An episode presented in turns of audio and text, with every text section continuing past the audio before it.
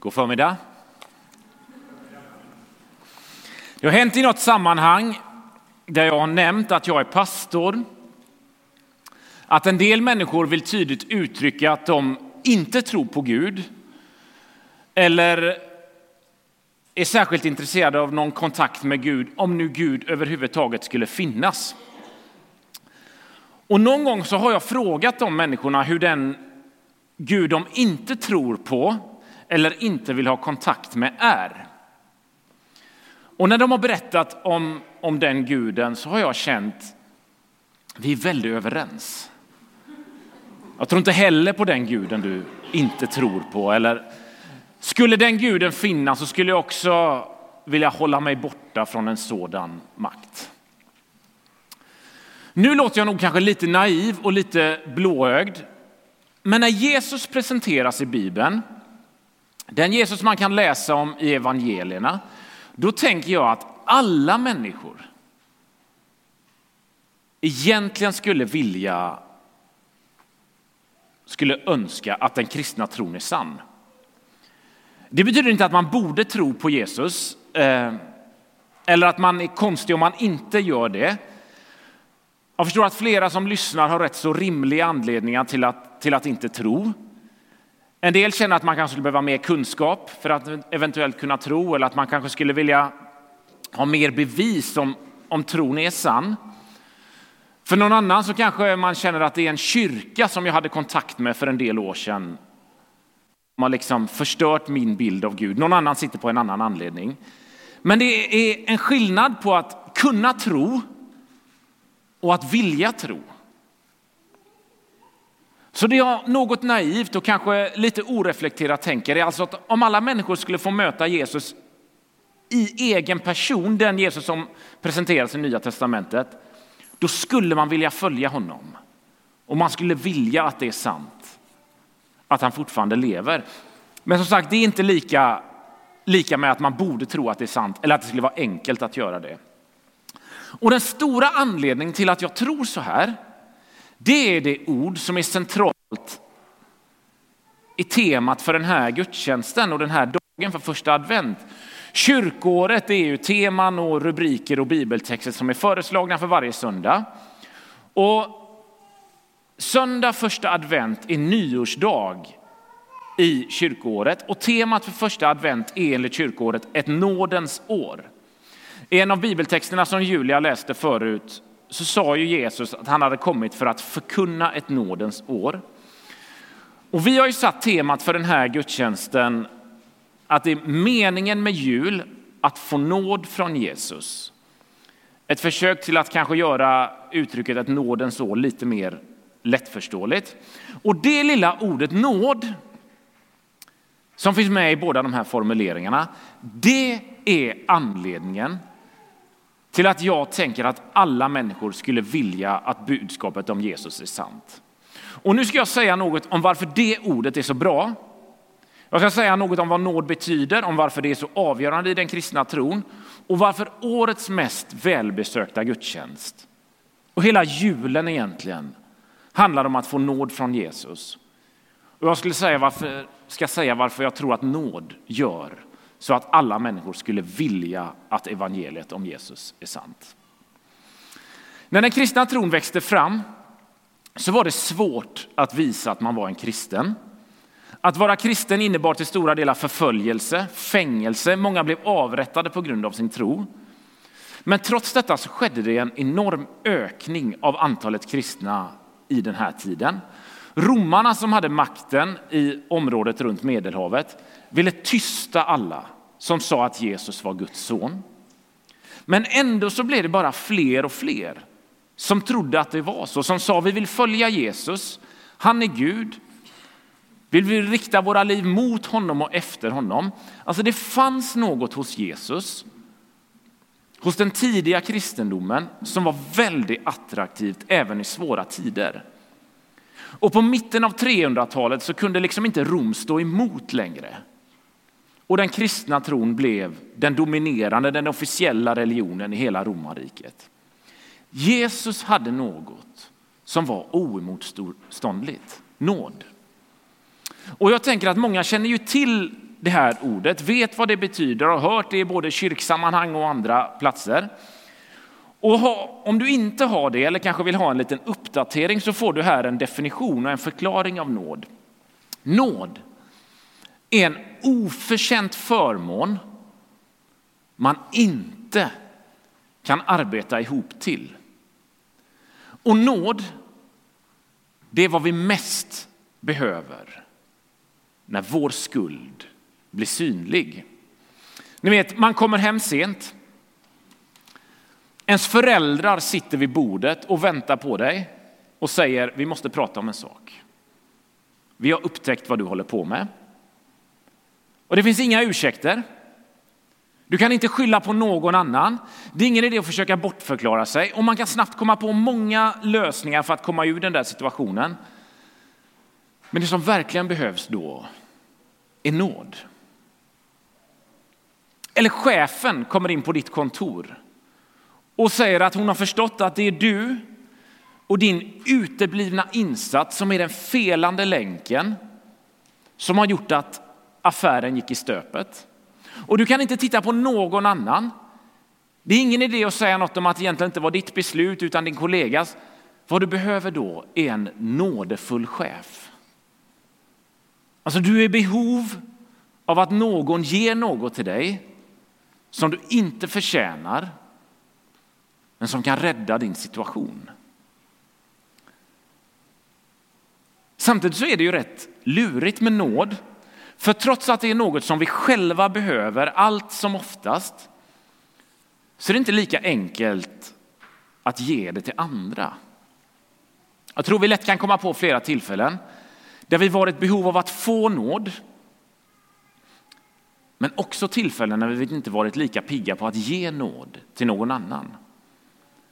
Kanske inte minst när någon har gjort mot, någon mot mig eller ännu mer när någon gjort något mot någon jag tycker om. För en del här så är det tvärtom. Det är enklare att ge nåd till andra. Man kan förlåta andra, man kan ge dem den där förmånen trots att de inte förtjänar det. Men att se nådefullt på sitt eget liv kan vara riktigt svårt. Nåd, det är när någon lutar sig åt ditt håll när de egentligen borde luta sig bort. Nåd är när du säger till någon, hej, jag tycker vi borde vara vänner. När du egentligen har all rätt att jaga iväg dem. Men det är märkligt med nåd, för hur bra vi än tycker att det låter när man pratar om det så här, hur mycket vi än tycker att det borde vara en självklarhet för vår egen och andras del att ge och få nåd, så kan du aldrig förtjäna nåd mer än du kan planera din egen överraskningsfest. Så du vet, om du planerar att bli överraskad så kan man ju snabbt stryka överraskningsmomentet. Och i samma ögonblick som du tänker att den där förmånen är något jag har tjänat ihop till så har hela poängen, hela meningen med nåd försvunnit. Man kan fråga om nåd. Man kan be om att någon ska visa en nåd, men man kan aldrig på något sätt förtjäna nåd. För nästa steg är att inse att nåden kan vi inte uppleva eller förstå förrän vi är helt övertygade om att vi inte förtjänar den. Nåd är också något som helt och hållet har med relationer att göra. Och du kan bara uppleva nåd i en relation där det finns en obalans och där du är på den negativa sidan av vågskålen på grund av vad du gjort, vad du sagt vad du inte gjort, vad du inte sagt. Och det är på grund av att nåd till hundra procent har med relationer att göra som Gud valde att dyka upp. Det var på grund av nåd som Jesus bestämde sig för att rida in i Jerusalem. Och det är något han gör bara en vecka innan han dör. Han lämnar inte Jerusalem mer innan sin död på korset. Och det är på grund av nåd som vi firar jul. För vi kan inte förstå Guds nåd om vi inte lär känna Gud genom Jesus. Alltså för att Guds nåd skulle bli konkret för oss, för att Guds nåd skulle bli tydlig och klar så behövdes en person, den behövdes bli personlig. Julens budskap om att Jesus föds är fullständigt avgörande för att vi ska kunna förstå vad nåd är. Och Gud då som sitter med någon form av helikopterperspektiv tittar på världen, på oss människor. Han som har skapat oss, han som älskar oss, han som känner oss, han som vet allt om våra relationer, inser att det de behöver mest där nere, det är nåd. Och därför trycker Gud liksom ner sig själv i en kropp och föds genom Jesus. Varför då? Jo, för att nåden skulle bli personlig och för att nåd är vad vi behöver. Det finns många texter i Bibeln som, som gör nåd konkret och praktisk. Och en bibeltext handlar om när Jesus och hans lärjungar möter en tulltjänsteman. Och det var inte vilket yrke som helst, utan tulltjänstemännen sågs som landsvikare. För de hade allierat sig med romarna. Romarna ockuperade Israel, tulltjänstemännen sa vi kan jobba för er. Och deras jobb var att se till att människor betalade skatt på varor man tog in och ut ur städer. Och om tullindrivarna tog lite extra betalt och stoppade det i sin egen ficka så brydde sig inte romarna om det. Men betalade du inte din skatt så hindrade tullindrivarna, som de egentligen kallades, dig från att röra, röra dig på det sättet du ville. Så tullindrivarna satt alltså på stor makt. De tjänade mycket pengar och så var de avskydda av folket. För delvis så var de svikare och delvis så krämade de ur så gott allting som fanns i människors plånböcker. Och Jesus och hans fromma och välartade lärjungar, de möter alltså en här person som heter Levi. Och Jesus säger till honom, följ mig. Och Levi accepterar erbjudandet och hänger på i följet efter Jesus.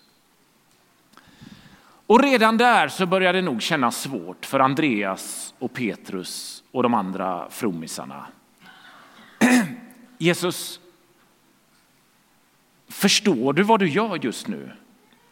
Alltså en tullindrivare, den värsta av de värsta, ska han vara med oss? Jag tror inte det va? Och du har inte ens bett honom att omvända sig eller be om förlåtelse. Någon måtta får det väl vara Jesus. Då fortsätter Jesus och säger han, nu ska vi gå hem till Levi och äta middag. Inte en chans Jesus, tänkte nog lärjungarna. Mycket gör jag, Dit går jag inte, var det nog flera av dem som kände. Alltså jag kan inte kliva innanför hans dörrar. Han är en tullindrivare. Följer du mig så följer du med dit. Kanske Jesus sa. För snart så satt de där och åt med en massa andra tullindrivare. Alltså jag tror lär, lärjungarna var obekväma. Det var liksom inte bara en tullindrivare, ett helt gäng av dem vid samma matbord. Och då får fariseerna och de skriftlärda, alltså de som kunde det religiösa livet på riktigt enligt dem själva, de som visste allt om Gud, visste hur man skulle leva som en troende och så vidare, höra om att Jesus var hemma hos Levi och åt. Då ställer de sig utanför huset och så skickar de in någon för att kommentera för Jesus hur opassande de tyckte att detta var. Alltså de kunde inte ens själva tänka sig att gå in i Levis hus för han var den han var och de var de de var.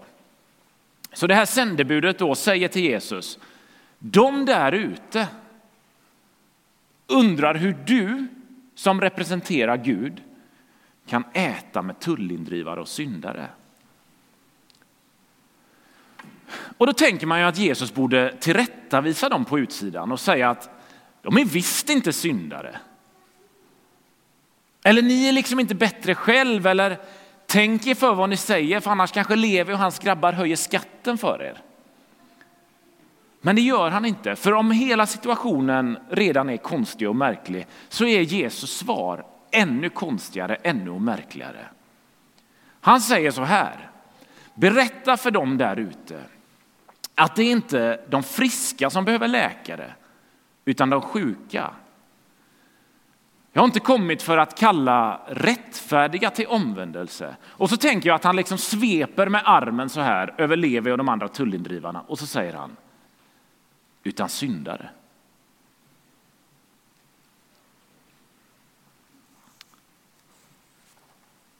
Wow, jag tänker att, att Levi tycker att Jesus är inte bara lite oförskämd här. Jesus, du är hemma hos mig. Du sitter i mitt vardagsrum och äter.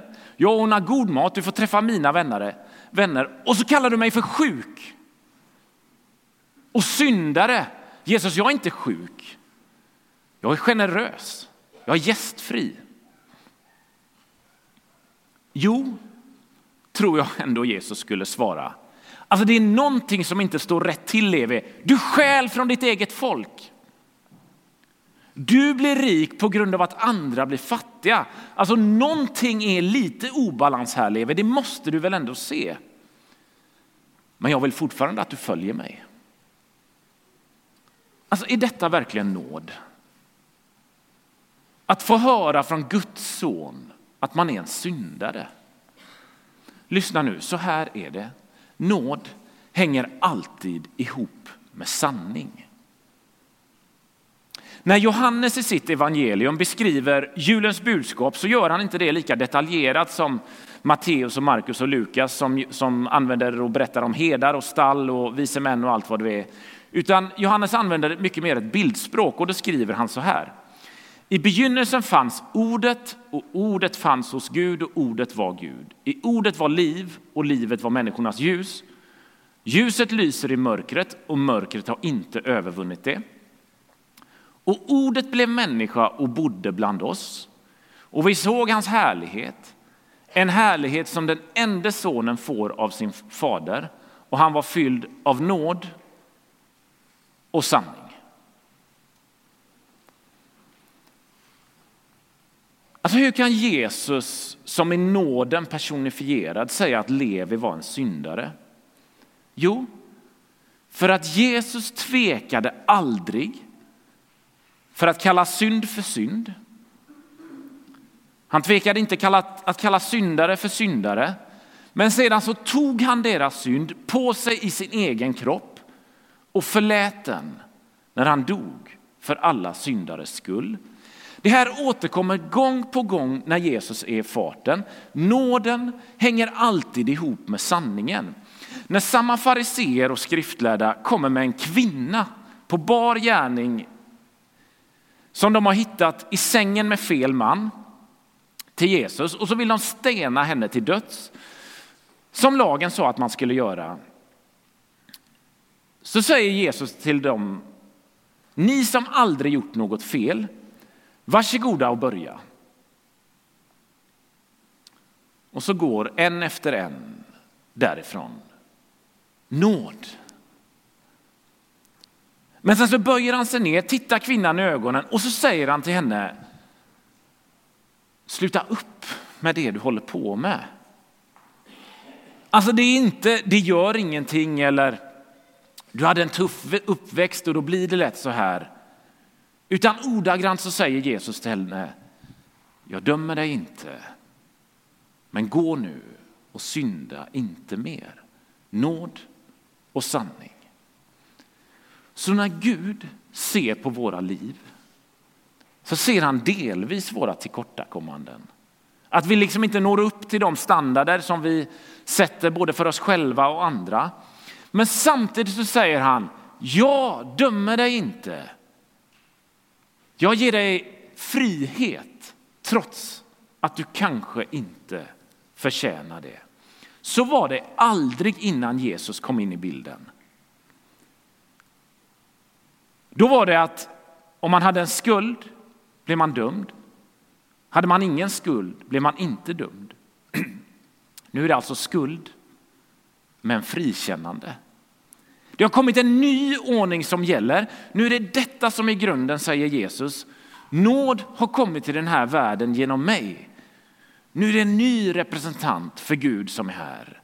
Fullt ut nåd och fullt ut sanning. Men nåden har också en koppling till. Nåd hänger inte bara ihop med sanning. Paulus är ju en av de personer som, som mest påverkat den kristna tron genom alla brev och texter han har skrivit. Tidigare så hette ju han Saul och hade som livs, livsuppgift att förstöra den kristna kyrkan. Han hatade kristna, budskapet om Jesus var det värsta han visste. Men så möter han Jesus, hans liv blir förändrat genom nåden och så blir han en efterföljare till Jesus. Och när Paulus skriver sina brev både till olika personer och församlingar så använder han ofta en hälsningsfras. Han skriver så här, nåd och frid. Alltså det var vad Paulus önskade sina läsare, nåd och frid. För vad jag tänker att Paulus vet är att det han fick uppleva efter att han mötte Jesus och blev en lärjunge, det var att det också landade en frid i hans liv. Frid betyder inte att man måste vara tillfreds med allting i ens liv. Eller det handlar nödvändigtvis inte om att leva ett lugnt och stilla liv. Det är bara att läsa om Paulus resor och hans liv för att snabbt inse att så var det inte. Men mitt i hans äventyrliga och ibland svåra liv så verkar han ha hittat en frid i livet utifrån nåden från Gud. Och precis samma erfarenhet sitter miljarder människor över världen med. Och även massor människor i Vårgårda med. Att det som gör att man vill följa Jesus, att man vill vara en kristen, det är att Jesus ger nåd både över sitt eget liv och de gånger och sammanhang som inte blir som man själv önskat och tänkt. Och att ta emot den nåden följs av en frid. En frid i att jag är älskad av Gud. Trots att det finns en del sanning om, om mig som jag inte bara är stolt över. En frid i att mitt liv ryms hos Gud. Trots att alla mina relationer inte är i full balans. Och mitt i det säger Jesus, följ mig. Ta rygg på mig. Jag, skaparen av himmel och jord, den som liksom håller universum på sin plats. Jag ser din skuld, men jag är den som lutar i din riktning när andra lutar sig bort. Och jag vill ge dig frid. Att du ska ha en trygghet i dig själv och andra. En trygghet i att min kärlek till dig inte tar slut. Jag är den som stannar kvar när du har svikit. Jag är den som ger dig något att hålla i när det blåser. Och följer du mig så kommer jag slipa bort det där kommer visa dig en väg bort från det som skaver och jag kommer göra ditt liv mer helt. Jag kommer hjälpa dig med balans i dina relationer. Jag kommer ge dig nåd och hjälpa dig att ge nåd till både andra människor och dig själv. Precis det här visste Paulus. Därför önskar han nåd och frid till sina läsare. Och precis detta vill Jesus göra i ditt liv. Han vill göra det den här advent. Han vill göra det denna julen. Eller precis när som helst du är redo att ta emot det. Hos Jesus skrivs inte din historia om. Men hos Jesus får du nåd och han vill ge dig frid. Vi ber tillsammans. Jesus, du som är nåden personifierad, du som är kärleken personifierad. Tack för allt det betyder att du kom till den här jorden, att du red in i Jerusalem den där dagen. Tack för allt vad det får representera och betyda. Gud, jag ber också att det skulle landa i våra liv. Herre, jag tror vi är många som behöver ta emot nåd från dig.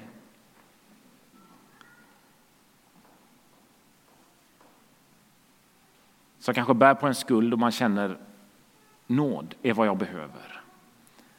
Jag tror också det finns många som behöver ge den nåden vidare till andra människor. Hjälp oss att göra det. Och så Gud ber jag att nåden skulle få följas av friden. In i våra liv, in i den här världen, in i våra familjer, in i de samhällen vi finns i. Låt den nåden som du ger till oss få konkret och praktiskt bli frid för många människor. I Jesu namn. Amen. Nu får vi lyssna på en sång.